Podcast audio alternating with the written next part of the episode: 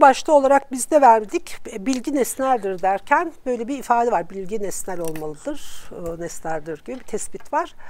Ee, o başlık altında bir şeyler yazmaya çalışırken konu birazcık daha boyut değiştirdi. Dolayısıyla çok fazla nesnellik konusuna girmiş, direkt girmiş olmayacağım ama etrafında elbette dolaşmış olacağız. Genelde ben konulara girerken e, öncelikle kendi bakış tarzımı yerleştirmek için bir, ön kabullerimden söz etmek isterim. Benim her zaman sosyoloji içinde ya da hayata bakarken de e, durduğum yerde üç tane ön temel ön kabulüm var. Bir tanesi bu dünya vardır. Öbürü bu dünyadaki e, onto her zaman epistemeyi önceler. Ve üçüncüsü de insan sosyabil, sosyal olabilen bir yaratıktır. Bu üçünü, bu üç temel e, sayıltıyı, ön kabulü kullanarak bütün diğer fikirlerimi bunların ışığında açmaya çalışıyorum. Şimdi bunlardan ne der, bu, neyi kastediyorum? Bu dünya vardır derken, çünkü benim alanım da sosyoloji, bir doğa gerçekliğinin olduğunu biliyoruz. Kullandığımız, su istimal ettiğimiz bir doğa var ama bir de sosyal gerçeklik var. Var olanlar arasında bir de sosyal olan var. Bu sosyal olan e, her ne kadar e, inşai olandır, söz, sözden müteşekkildir gibi böyle çok genellemeli ve insanı bir yerde de duygusal olarak alıp insanı böyle edebi dünyalara doğru çekip götüren bir takım ifadelendirmeler varsa da aslında o kadar da değil. E, bu dünya vardır derken kastettiğimiz içindeki bu sosyal olan dünya e, sosyal olanın e, insan önce sosyoloji insan birliktelikleri üzerine söylenen söz demek zaten. Bu insan birlikteliklerinin de iki temel unsuru var. Bir tanesi tek bir sosyal kişi, bir de kolektif kişilikler var. İşte sosyal gerçeklik bu e, gerek e, sosyal kişinin gerek kolektif kişiliklerin e, sosyal ortama sundukları sosyal etkileşim ağı ve dolaşım ağına e, aktarılan ve bunu, bunlar arasında bu ağlar arasındaki süreçler ve buralarda ortaya çıkan yapılaşmalar sonucunda karşımıza çıkan bütün söylediklerin hepsine sosyal gerçeklik diyoruz. Dolayısıyla sadece sözden ibaret değil. Bir yapılaşma süreci var. Söze bile dayanıyor olsa, başlangıçta eyleme, söze ya da tasavvurlara dayanıyor bile olsa, onların kendi içlerinde bir solitleşme, bir yapılaşma, bir katılaşma süreci vardır o işte hukuk kurallarına yansır, e, e, kanunlara yansır, kurumlara yansır, onların işleyiş düzenlerine yansır. E, böyle kendi içinde belirli bir katılaşması da vardır. Yani sosyal olan böyle her zaman akıp giden, akışkan, keyfi olarak var olan insanların o andaki duygusal heyecanlarına göre şöyle de, de böyle akıp giden bir gerçeklik olarak düşünülmemesi gerekir.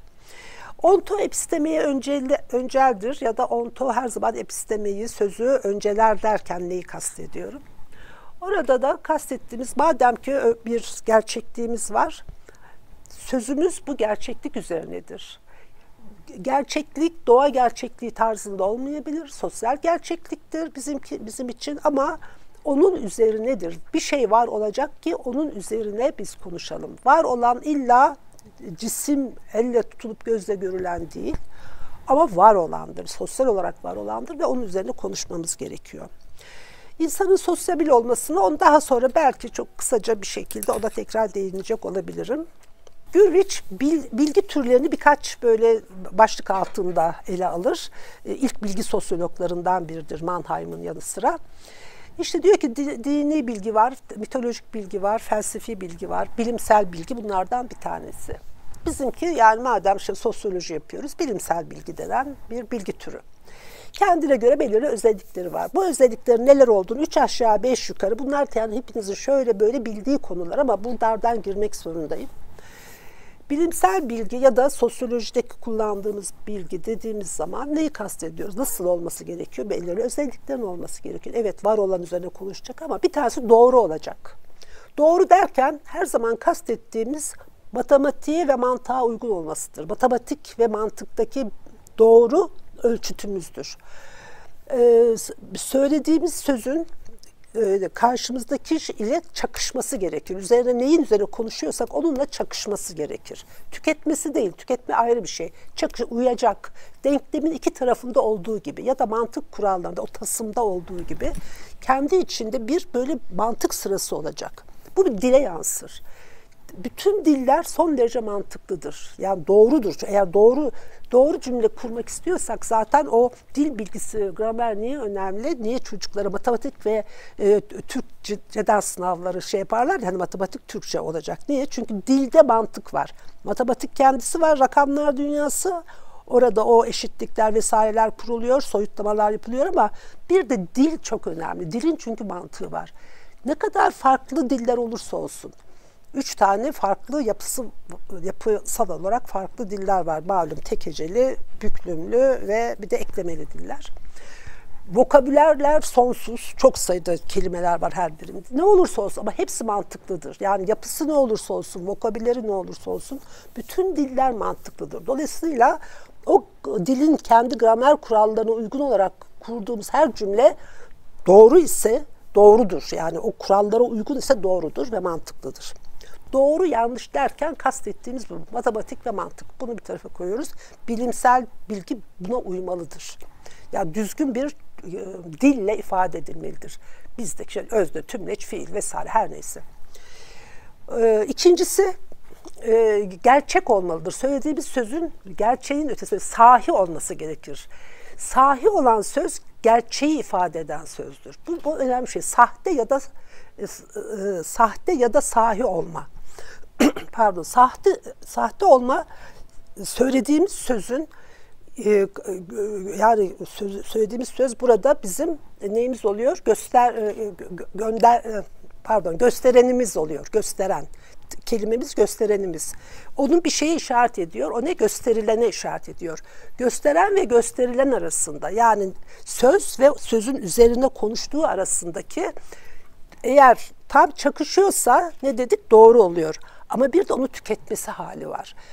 O üzerine konuştuğu şeyin yapı özelliklerini çok iyi bir şekilde, tam böyle isabetli bir şekilde ifade edebiliyorsa orada o söz sahi olan sözdür.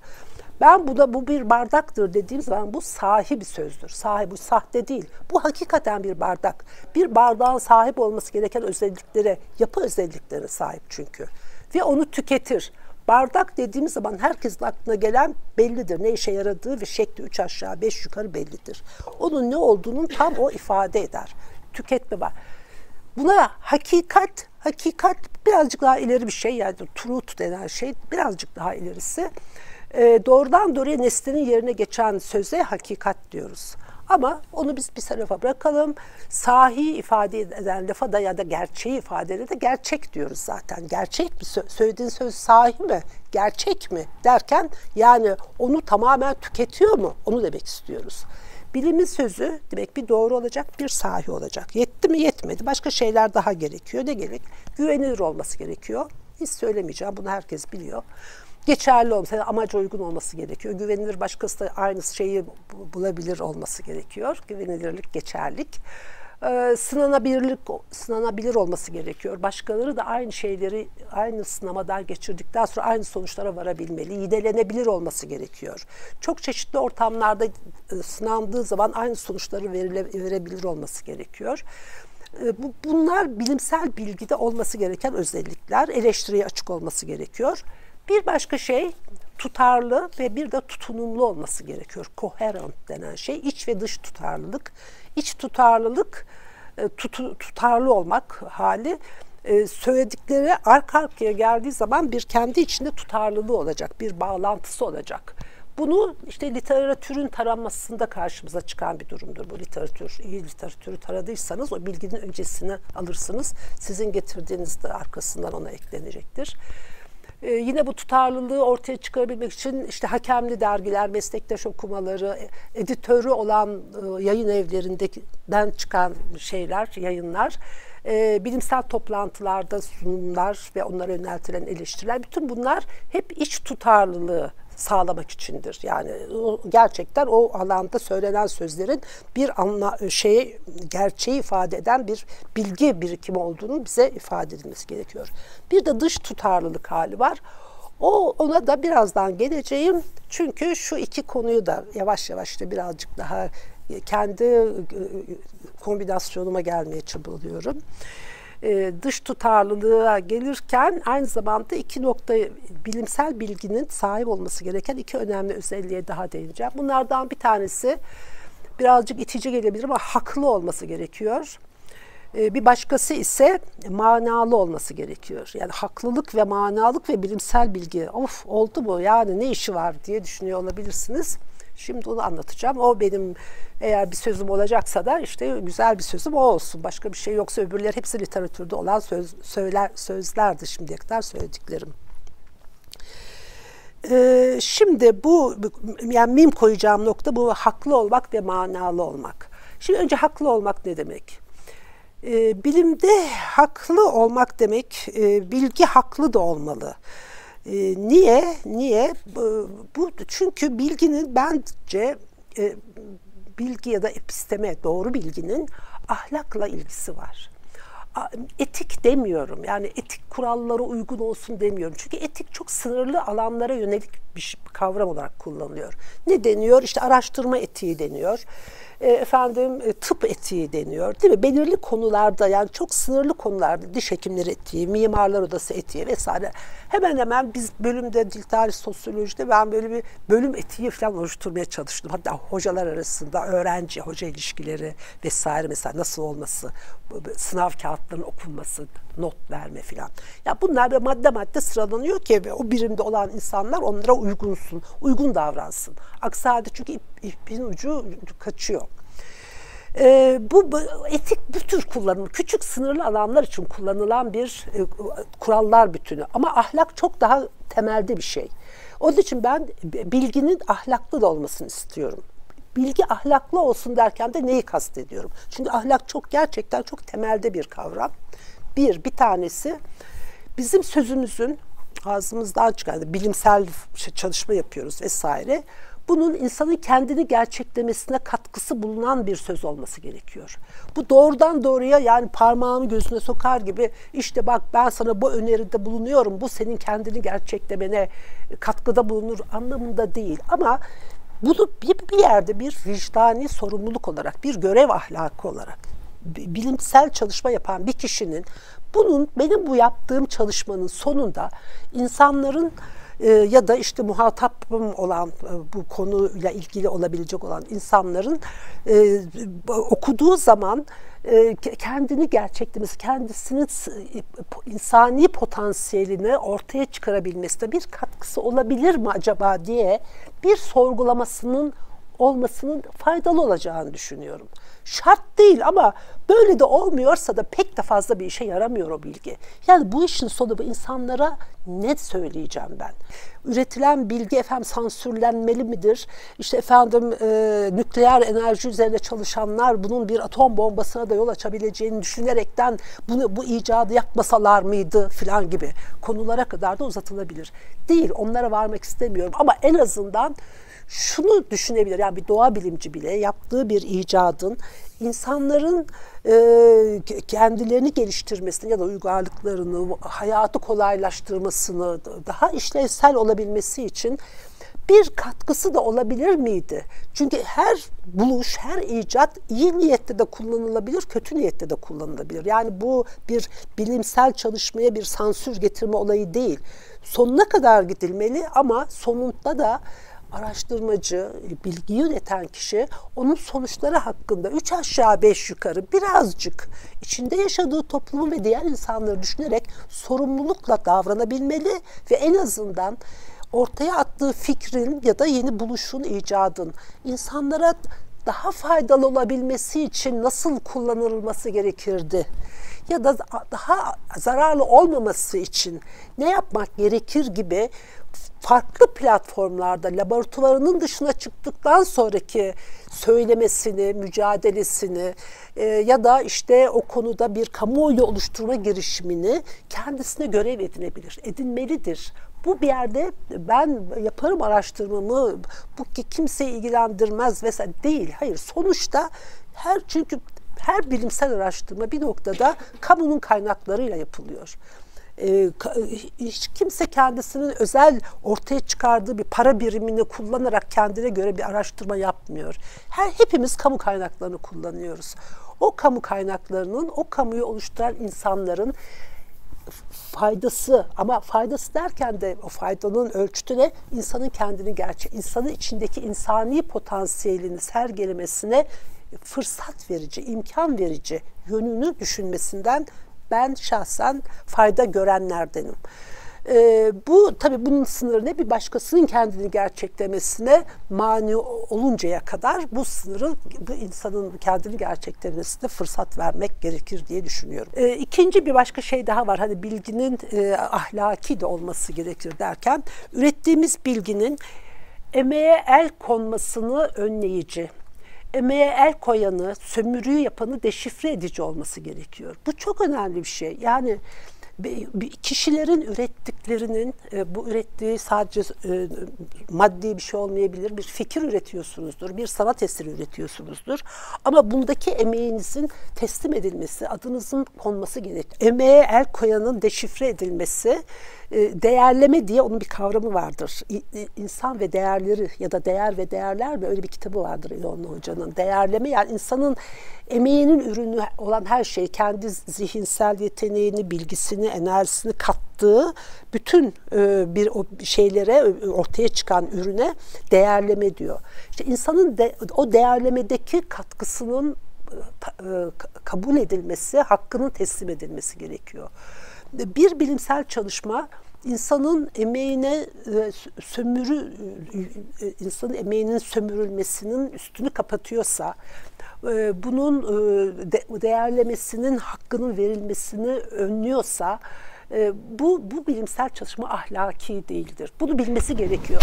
Buna uyar uymaz ama en azından insanların böyle bir e, buna dikkat ediler, edilmesini öneren insanlar da var diye bu bilgiyi, şu benim söylediğim şunu kafasının bir yerinde tutmasında fayda var. Uygulamayabilir, hiç önemli değil. Bilsin ama elbette bir gün onun vicdanında onun sızlatacaktır.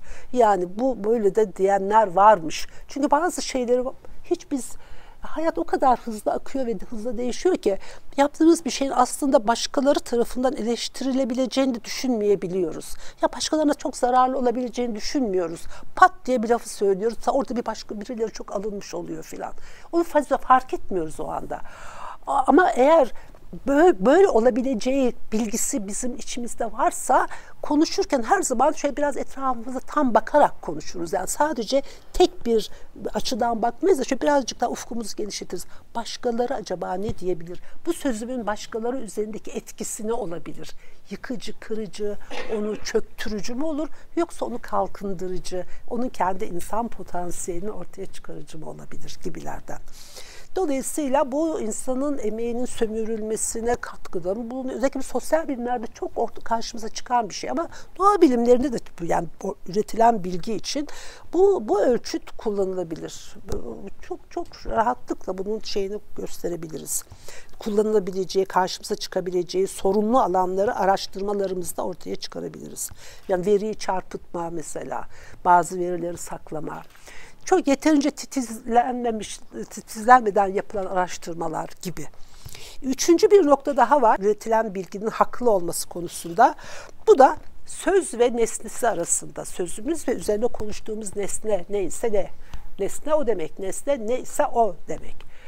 Sözümüz ve üzerine konuştuğumuz nesne arasındaki açıklığın gizemleştirilmiş çıkarlar tarafından doldurulmamasına dikkat etmemiz, özen göstermemiz gerekiyor. Nedir bu nesne ve onun üzerine söylenen söz arasındaki açıklığın çünkü her zaman bir açıklık vardır ve ne kadar çok hatta arada böyle mesafe koyarsak o kadar da soyutlamış oluruz, kavramsallaştırmış oluruz. O soyutlama önemli bir şey. Uzaktan ne kadar uzaktan bakarsan o kadar da çok onun dibine de nüfuz edebilirsin. Ha o aradaki açıklığa neler girer? En başta ideolojiler girer. Buna karşı çok dikkatli olmak gerekiyor. Yani neslimiz ve çünkü o ideolojiler her zaman gerçeği çarpıtan şeylerdir. O da yine İonna Hoca'dan benim öğrendiğim şey. Bütün izimler bir yanlışın adıdır demişti İonna Hoca. Bütün izimler bir yanlışın adı. Hayatın bir alanında yakaladıkları bir gerçek ilişkiyi hayatın tüm diğer alanlarına yansıtırlar demişti. Orada tamam, tamam evet burada isabetli ama her yerde değil. Bu, bu çok önemli bir şey. Onun için ideolojilere karşı çok titiz, çok bilimsel özellikle sosyal bilimde, sosyoloji yaparken o kadar çok bizim çocukluktan getirdiğimiz alışkanlıklarımız, kültürel değerlerimiz, eğitim sürecinde bize öğretilenler, medyadan sürekli aktarılanlar, arkadaş gruplarımız, okuduğumuz kitaplar vesaire. Bütün bunlardan bir kafamızda kombinasyonlar oluşturuyoruz ve bunların çoğu aslında hep ideolojilerle bağlantılı. Kimi resmi ideoloji olabilir bilmem her şey olabilir ama araya giriyor bunlar. Bunlar hayatın gerçekleri. Bunlara karşı biraz müteyakkız, dikkatli olmamızda fayda var. Onu söylemek istiyorum. Yani araya giren sözümü söylerken ne kadar çok belirli ideolojilerin yani çocukluğumda okuduğum işte bilmem ne şu şiirin ne kadar ben burada etkisi şuraya yansıdı oluyor. Yani ilkokullarda bir takım kahramanlık şiirlerimiz falan vardır ya. Yani onlar yansıyor bazı yazılarımıza. Benim de öyle olmuştur. Mesela bir e, cinsiyet rol tutumlarımız kitabımda o benim doçentlik tezimdi. Orada bir yani böyle eşitlikçi rol tutumlarını benimseyen Türk kadınlarının böyle Cumhuriyet rejiminin ne kadar e, Cumhuriyet yönetiminin başarısı olarak falan bazı şeyler yani yazıyorsunuz bu yansıyor. ideolojiniz, yetişme tarzınız cümlelerinize yansıyor bunlar. İşte e, haklı, e, bilgi haklı da olmalı derken bazı şeylere dikkat edeceğiz. Yani ha bak bu buraya yansıdı. Değiştirmeyebilirsiniz. O yine orada kalabilir. Ama bileceksin ki o senin ideolojinin yansıması oraya. Karşındaki bir başkası seni değiştirdiği zaman ha, hayır efendim ne demek istiyorsun demeyeceksin. Evet o benim ideolojimdi ama ben böyle bir insanım diyeceksin en azından. Tamam mı? Bu yani bir yerde karşılıklı ilişkilerde de bir e, bir esnemeyi de getirebilen bir şey ya bilimsel bilgi deyince böyle çok uzaklarda olan bir şey değil. Hepimizin hayatında şöyle de ya da böyle e, bilim insanı olmasak bile kullandığımız bilgi türleri. Evet peki sözümüz haklı da yaptık. İyi hani doğru, geçerli, güvenilir vesaire haklı. İyi böyle de oldu. Bitti mi bitmedi mi? Bit, bitmedi daha. Birazcık daha vakit de var zaten. Bir başka özlemimiz demiştik, demiştik ki sözümüz manalı da olmalı. Ma Şimdi mana kelimesi niye anlamlı demiyorum da manalı diyorum. Yaşlılığımdan dolayı mı? Değil. Ben ve kelimeleri benim doktor hocam da çok dikkat ederdi.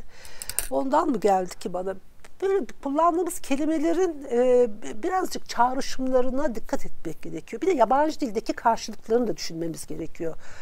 Mesela mana, meaning anlama, anlam, understanding. Yani arada böyle bir bir farklılığı vurgulamak gerekiyor. Yani her şeyi anlam, anlamlandırmak, anlamak falan dediğimiz zaman bu hani understanding ile meaning gibi olan arasındaki o e, şeyleri, farklılığı biraz göz ardı ediyoruz. O nedenle yani yoksa Arapçaya çok düşkün olduğum için değil ama yani orada bir ayrı mana demek gerekiyor. Bir de anlamlandırmak anlamak ve anlamlandırmak birazcık daha farklı bir şey çünkü o. Onları da geleceğim şimdi. Onun için yani sözümüz manalı da olsun derken e, orada kastettim evet anlamlı da olsun demek istiyorum ama o anlam kelimesini kullanmamamın sebebi bu. Anlamak fiiliyle çünkü anlamak bir akt. E, anlama akti var. Ama mana anlama gelmişken söyleyeyim yeri anlama benim yaptığım bir şey. Yani bakanın, e, kişinin, araştırmacının diyeyim ya da e, benim e, yüklemelerimdir. Yani ben karşımdaki atfediyorum. O anladığımı söylüyorum. Ben anlıyorum çünkü gelen algıladıklarımı ben zihnimde o sevgi aktiyle o da takip ettim Mengüşoğlu. O da anlama akti diyor sevgiyle bağlantılıdır doğrudan direkt olur ve sevgiyle bağlantılı. Diğer hiçbir akt sevgiyle e, bağlı değil. Ee, sevmediğimizi anlayamayız. Anladığımızı seviyoruz da demektir. Yani o arada çok önemli bir bağlantı var. Önemli bir şey. Ee, anlamayı, anlamak bana ait. Mana nesnenin kendisine ait, karşımdakine ait. Onun manası. Onun başkalarının tarafından yüklenmiş, onun manası. Ee, onun için hani onun anlamı dersem benim anlamamla onun anlamı iç içe karışıyormuş gibi oluyor. Onun için ona mana diyorum. Benim yüklemelerime anlam anlamak, anlamlandırmak diyorum. O neden o şekilde bir ayrım yapıyorum. Ee, sözün manalı olması demek gösteren, gösterilen ve göndermeleri arası. Çünkü gösteren kelimenin kendisi, gösterilen nesnenin kendisi üzerine konuştuğumuz şey. Bir de göndermeler yani kafamızda uyanan onun imajinasyonlarımız, temsiliyetler hani o oraya o oraya kafa böyle gidiyor ya ha, o, o şunu demek istedi, o bunu demek istedi. O gösteren gösterilen ilişkisi beni bir yerlere gönderiyor ya onlara da göndermeler deniyor. Bunlar arasındaki ilişki de karşımıza çıkıyor. Sözün manalı olması. Mana verme bir ilişkilendirmedir. Mana gösteren, gösterilen gönderme arasında gözlemcinin bilgisi, kültürel birikimi ve benliğini katarak kurduğu çok katlı bir bağlantıdır. Bilimiz, bilimde sözümüzün manalı da olmasını isterken, meaningful olmasını isterken e, istediğimiz ne, ne demek istiyoruz? Başka sözlerle, başka gerçekliklerle de bağlantısı olsun istiyoruz. Ha, biraz önce dış tutunum demiştim. İç tutunum hali vardır. Hani şey e, literatürle bağlantısı olması gerekir bilimsel çalışmanın e, vesaire demiştim ya hani böyle hakemler hakemli dergiler o iç tutunum iç bir coherence içinde var orada o, onun içinde bir de dış tutunum var dış tutunum ise başka sözlerle ve başka gerçekliklerle de bağlantılı olması gerekiyor bizim sözümüzün. Mana bizi akıl gözüyle görmeye yöneltiyor ve o da bizi bir teoriye götürüyor. Akıl gözüyle görme ancak teoriye bizi götürür. Yani teori akıl gözüyle gördüğümüz şeydir. Teori gördüğümüz bir şey ama nasıl gördüğümüz düşünerek gördüğümüz bir şey. Ee, ve mana ve anlamak ontik olanla epistemik olanın da birbirine bağlandığı noktadır. Çünkü çünkü e, bir şeyi bir şeyi daha içten, daha gerçekten, daha sahi olarak tanımış, bilmiş oluruz eğer manasını da bakıyorsak. Bu nedenle yani onu daha içten yakalıyorsak yani onun ontosunu daha içten yakalamak ve bunu ifade et, etmek istediğimiz zaman da manalı söz söylemiş oluyoruz. Ee, dolayısıyla hem ontik olan ve epistemik olan manada birleşmiş, yansımış oluyor. Bu burası da önemli. Anlamlı olmak bir bağlama oturtabilmek demektir. Dış tut, tutunum, tutarlılık dıştan olana da tutunum diyorum ben. İç tutarlılık, dış tutunum. Yani çünkü bunun arasındaki iç ve dış arasında bir fark olsun diye tutunum ve tutarlı diye iki ayrı kelimeyle ifade etmenin daha e, faydalı olabileceğini düşünüyorum. Birazcık tarih üzerinde durmak istiyorum. Şimdi tarih, tarih e, şuradan teori dedik oradan bir e, şeye varalım.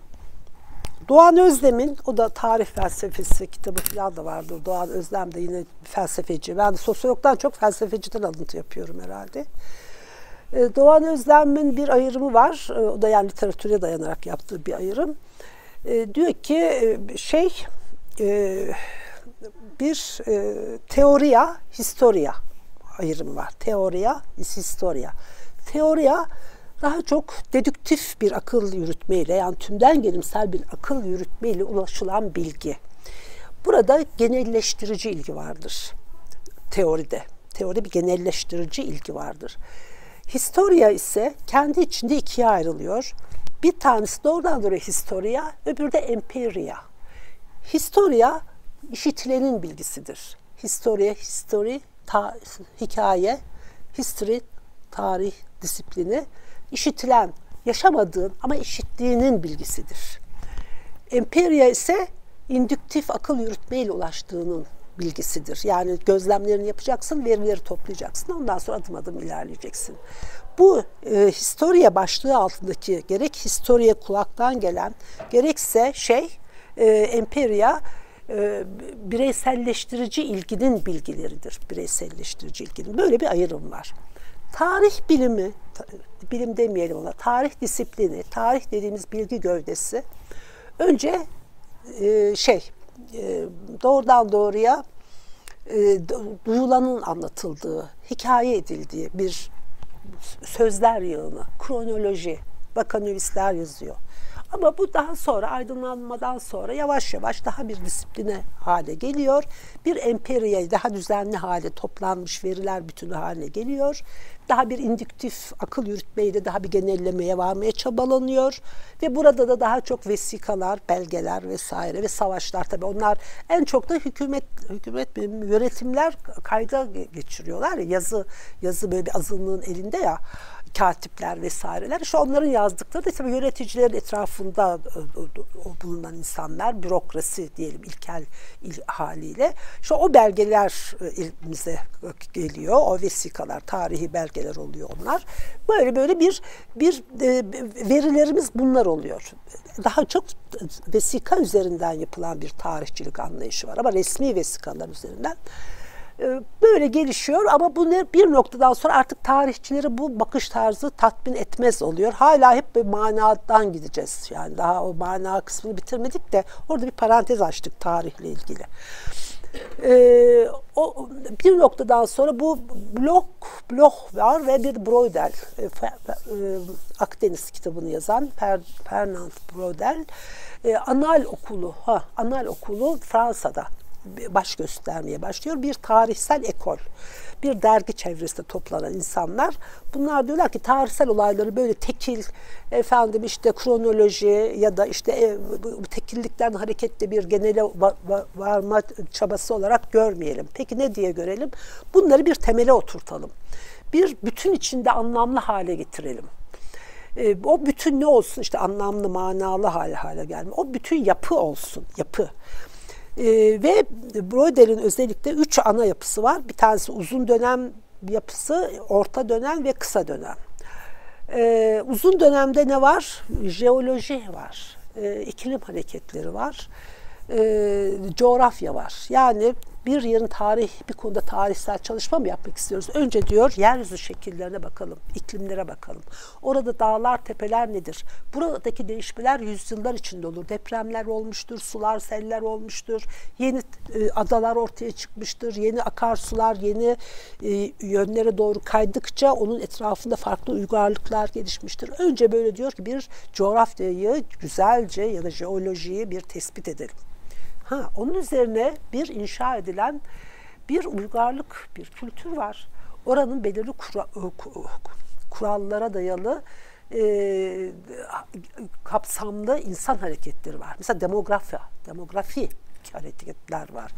Doğumlar var, ölümler, göçler, hareketler, nüfusun yayılması, köylerin oluşması, kentlerin oluşması, o coğrafyanın üzerinde, coğrafyanın özelliklerine bağlı olarak dağlara bağlı dağ, dağ köyleri, ovalar bilmem ne vesaire.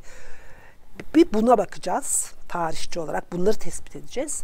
Ondan sonra bu fiyat hareketleri e, orta vadede çünkü bunlar orta vadede gemiciliğin gelişmesi, ticaret yollarının gelişmesi onlarla ilgili verileri toplayacağız. Ve en son bunların bu iki ana orta ve onun altındaki uzun dönemdeki olaylar üzerine kısa dönemli olaylar. Onlar tarihin tozlarıdır aslında. Bu tozları şöyle yapın altta bu ikisi çıkar. Nedir o tozlar? O tozlar da doğrudan doğruya işte ikinci Filip, e, Kanuni Sultan Süleyman ve onun zamanında yapılan savaşlar. İşte onun zamanında yapılan bilmem neler, anlaşmalar, şunlar bunlar. Yani bunlar tarihin bu, bu, bu kısa dönemdeki bütün olaylar aslında uzun ve orta dönemdeki yapısal özelliklere bir tepkidir. Yani orada o verimli topraklar olmasaydı o iki ülke birbiriyle savaşmayacaktı. Suriye'nin azıcık bile olsa şu kadarcık bir petrolü olmasaydı hiç kimse Orta Doğu'ya göz şey yapmayacaktı değil mi? Yani Amerika niye gelsin, Rusya niye gelsin ya da işte efendim şeyde e, ne deniyor Doğu Akdeniz'de petrol bulmaya doğal gaz e, yatakları olduğu ortaya çıkmasaydı şimdi hiç kimse buralarda değil mi gemi falan dolandırmaya kalkmayacaktı bizim bu Doğu Akdeniz tarafları falan. Yani böyle görüyordu. Brodel tarihi böyle görüyor. Doğru iyi. Ama bu ne? Bu bir yapıya bak tekil olayları bir bütün içine yerleştirilerek anlatmaya çabalıyor. Bir şeye mana vermek demek. Mana vermek demek o şeyin kendinin sahip olduğu bütün içindeki yerini görmek demek. Anlamak da, anlamak da aynen bu tarih olaylarında olduğu gibi bir tekili ait olduğu bütünün ne olduğunu, bir tekilin ait olduğu bütünün ne olduğunu yakalamak, kavramak demek. Anlamak birdenbire olan bir eylemdir. Aynen ne gibi? Tencere kapak gibi. Hah, bu bundan dolayı. Bir şey anladım dediğimiz zaman ha bu tekil şununla bağlantılı. O bağlantıyı kurmak demek. Bağlantıyı kurduğunuz anda bunu anlamış olursunuz. Bağlantı kuramazsanız her şey uçuşur gider. Muhakkak akıl da ukul ya. Hani deveyi bağladığın kazık ya. Bunu bir yere bağlaman gerekiyor. O tekillikleri bir yere bağlaman gerekiyor. Brodel ve tarihçiler ki Fransızlar her zaman yapısalcıdır. Her şeyi yapıya bağlarlar bu bu tarih anlayışı yani tarih disiplini içindeki bu devrimsel dönüşüm tekil vakanalistliğin ötesinde bir çünkü tarih anlayışı böylece ortaya çıkmıştır. Çıksa çıksa Fransa'dan çıkardı çünkü onların e, şey olarak yapısalcıdırlar. Yani bütün e, Durkheim'ı da öyledir. Ondan sonra Foucault bile hepsi bunlar yapısalcılık içinden konuşurlar. Yapı üzerinden. Ve biz de yani yapısalcılar biz de çok böyle şeyizdir. Eğilimliyizdir. Çok benimse, benimseriz. Onun için yani Lisesi e, Fransızca öğrettiği için bizimkiler yapısalcı değil. Bizimkilerin düşüncesi de zaten yapısalcılığa eğilimli olduğu için Galatasaray Lisesi'nin eğitimi yüceltilen ya da orada yetiştirilen eğitim yüceltilen bir eğitim vesaire. O ayrı bir şey tabii ama e, ha bu aradaki yani e, tekilin bütün içindeki anlamlı hale gelmesini yakalamak gereği e, şeyle ilgili. E, bize bugün bile bugün bile Türkiye'deki bütün tarihçiler İlber Ortaylı'dan tutun Şükrü Hanioğlu'na kadar bütün önde gelen tarihçilerimize bakın ne derler? tarihsel incelemeler, tarihteki bu aynen sosyolojide de bu, bugünün incelemesi için de hiç fark etmez aynı şeydir. Ee, onun için yani ben tarih ve sosyoloji hiç ayırmam birbirinden iç içedir. Ee, e, aynı sözü söylerler. Her tekil olayı o dönemin koşulları içinde değerlendirelim. O dönemin yapısı içinde. O dönemin coğrafyası, ekonomik gelişimi, demografyası, e, işte insanların dünyaya bakışı, tarihsel zaman diye Kozlek adındaki bir tarihçinin bir kavramı da kullanılır bu arada. E, o, o tarihsel zamana bakalım ve o olayı, her bir tekil olayı o bütün içinde anlamaya çalışalım. Öyle çünkü anlamlı olur denir ve nesnelli yani bir şeyin ortaya bilgisi ancak bu şekilde e, anlamlı, manalı ve anlamlı hale, anlaşılabilir hale gelir diyorlar. Her şeye de, dedik ki bütün içinde anlamlı olacak, tarihe bakışımız da öyle olacak. Peki o zaman tarih bir e, olayların sıralandığı ya da sosyolojik araştırmada sadece gözlemlenenlerin sıralandığı, bütün sosyal bilimlerde öyle ee, bir bir müze midir? Bir sergi salonu mudur? Yani işte ben gittim şurada şunları şunları tespit ettim. Verileri topladım. İşte bu, buyurun, budur. Böyle bir sunuş mudur? Bir müze, bir galeri midir? Tarih ya da bugün, bugüne ilişkin verilerimiz. Ya da psikiyatri de mi böyle yapıyor? Yani insanlarla konuşuyor, verileri alıyor vesaire. İşte bunlar da insan tipleridir. Böyle böyle insanlar da vardır. Ya bunun için mi sadece bütün bu bilimsel bilgi üretiliyor? Nesnel nesnel bilgi. İşte böyle olduğu zaman nesnel oluyor. Bu mu? Bilim burada mı bitiyor mu? Bilimsel bilgi derken tamam doğru da olur bilmem ama burada bitiyor mu? Yoksa şimdi tekrar başa dönüyorum. Biraz en baş değil de bir önceki başa haklılığa getiriyorum lafımızı. Acaba bizim bu sözümüzün tarihte olsun, bugün de olsun söylediğimiz sözümüzün insanın emeğinin sömürülmesiyle bir bağlantısı var mı? Bu anlamlandırmayı yaparken buna dikkat ediyor muyum? İnsanın kendini gerçeklemesine katkısı oldu mu? Oluyor mu? Ya da e, aradaki açıklık sözler ve nesneler arasındaki aradaki açıklığı ideolojiler mi dolduruyor? Böyle baktığım zaman ben neyi söylüyorum? İster bugünün toplumundan topladığım sosyoloji eğer diyorsak ki sadece bugünü inceler ki ben ona hiç ben sosyoloji bugündeki dünü inceler aslında. Dün ve bugün iç içedir. Hiç ben geniş zaman, geniş mekanda bakanlardanım. Ya da tarihçi. Ben sadece geçmişi incelerim, bugünü hiç incelemem. bugün benim konum dışı. O, o, o, o tekil olayı o günün koşulları öyle yapılmasını gerektiriyordu ve onun için öyle öyle yapıldı. Ve ben bunu ortaya çıkarmakta görevimi bitirdim deme hakkına sahip mi? Ben bunun böyle olduğunu düşünmüyorum. Bilim nesneldir diyerekten bu tür tarihteki yapılmış bütün eylemlerin meşrulaştırılmasına, haklılaştırılmasına karşı bir duruş sergilememiz gerektiğini düşünüyorum. Ve diyorum ki tarih defteri hep açık kalsın. Tarihteki olanlar ya da bugün olanlar her şeyi her zaman insanlar yeni baştan bugünkü kendileri olarak yeni baştan kurgulasınlar. Bunu derken de tarihçiler çünkü şunu diyorlar. Asla biz geçmişteki olayları e, kendimizi o insanların yerine koyarak yani şöyle o insanların koşullarını bilmeden o insanların yaptıklarını yargılayamayız diyorlar. Bütün İlber Ortaylı, Şükrü Hanioğlu, Kozlek ve bütün tarihçiler bunu söylüyor. Geçmişte olan hiçbir olayı biz yargılayamayız. Çünkü onun koşulları öyle gerektirdi diyor. Hayır, yargılarız. Ne demek? Gadamer diye bir Alman filozof var. Hans Georg Gadamer. O diyor ki hiçbir zaman bir tarihçi geçmişteki bir olayı incelerken bugünkü kendisini sıfırlayarak inceleyemez. Biz hiçbir şeye ya da bugünkü ben sosyolojide gittim bir köyü inceliyorum, bir fabrikayı inceliyorum, bir aileyi inceliyorum. Kendimizi sıfırlayarak inceleyemeyiz. Yani kendimizi oradaki kahramanların, kişilerin yerine koyarak o olayları şöyle düşündüğü için böyle yapmıştır diyemeyiz. Böyle bir şey olmaz. Ne olur? Diyor ki Gadamer, ufukların çakışması olur. Ufuklar iç içe geçer. O dönemin insanların bakış tarzıyla bu dönemin bir insanı olan benim, isterse tarihin en eski çağlarına ait bile olsun, ikimizin ufukları bir yerde iç içe geçecektir. Yani ben kendimi asla sıfırlayamam araştırmacı olarak.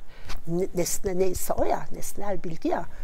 Nesnel bilgi benim bugünkü benimin değerleriyle birlikte baktığım bir bilgi olmak zorunda. Dolayısıyla ben eleştiririm. Neyi eleştiririm? Fatih Sultan Mehmet de değil mi o kardeşlerinin e, katline ferman çıkaran e, sultan. Ben Fatih Sultan Mehmet'i eleştiririm. Bugünkü ben olarak eleştiririm ve buna hakkım var. Yani o zaman efendim koşullar öyleydi. Onun için o onları e, katletmek zorundaydı. Aksi halde taht e, şey olurdu, e, tehlikeye girerdi, taht kavgaları olurdu. Hayır, olsun. O ne olurdu tarih madem şöyle olurdu böyle olurduyla çizilmez derler ya tarihçilerimiz aynı zamanda. Evet çizilmez. Ben onu bugünün ahlaki yargıları ile ben onu eleştirebilirim. İnsanlar kardeşlerini ya da hiç kimseyi öldürmemelilerdi. Böyle bir yola başvurmamaları gerekirdi.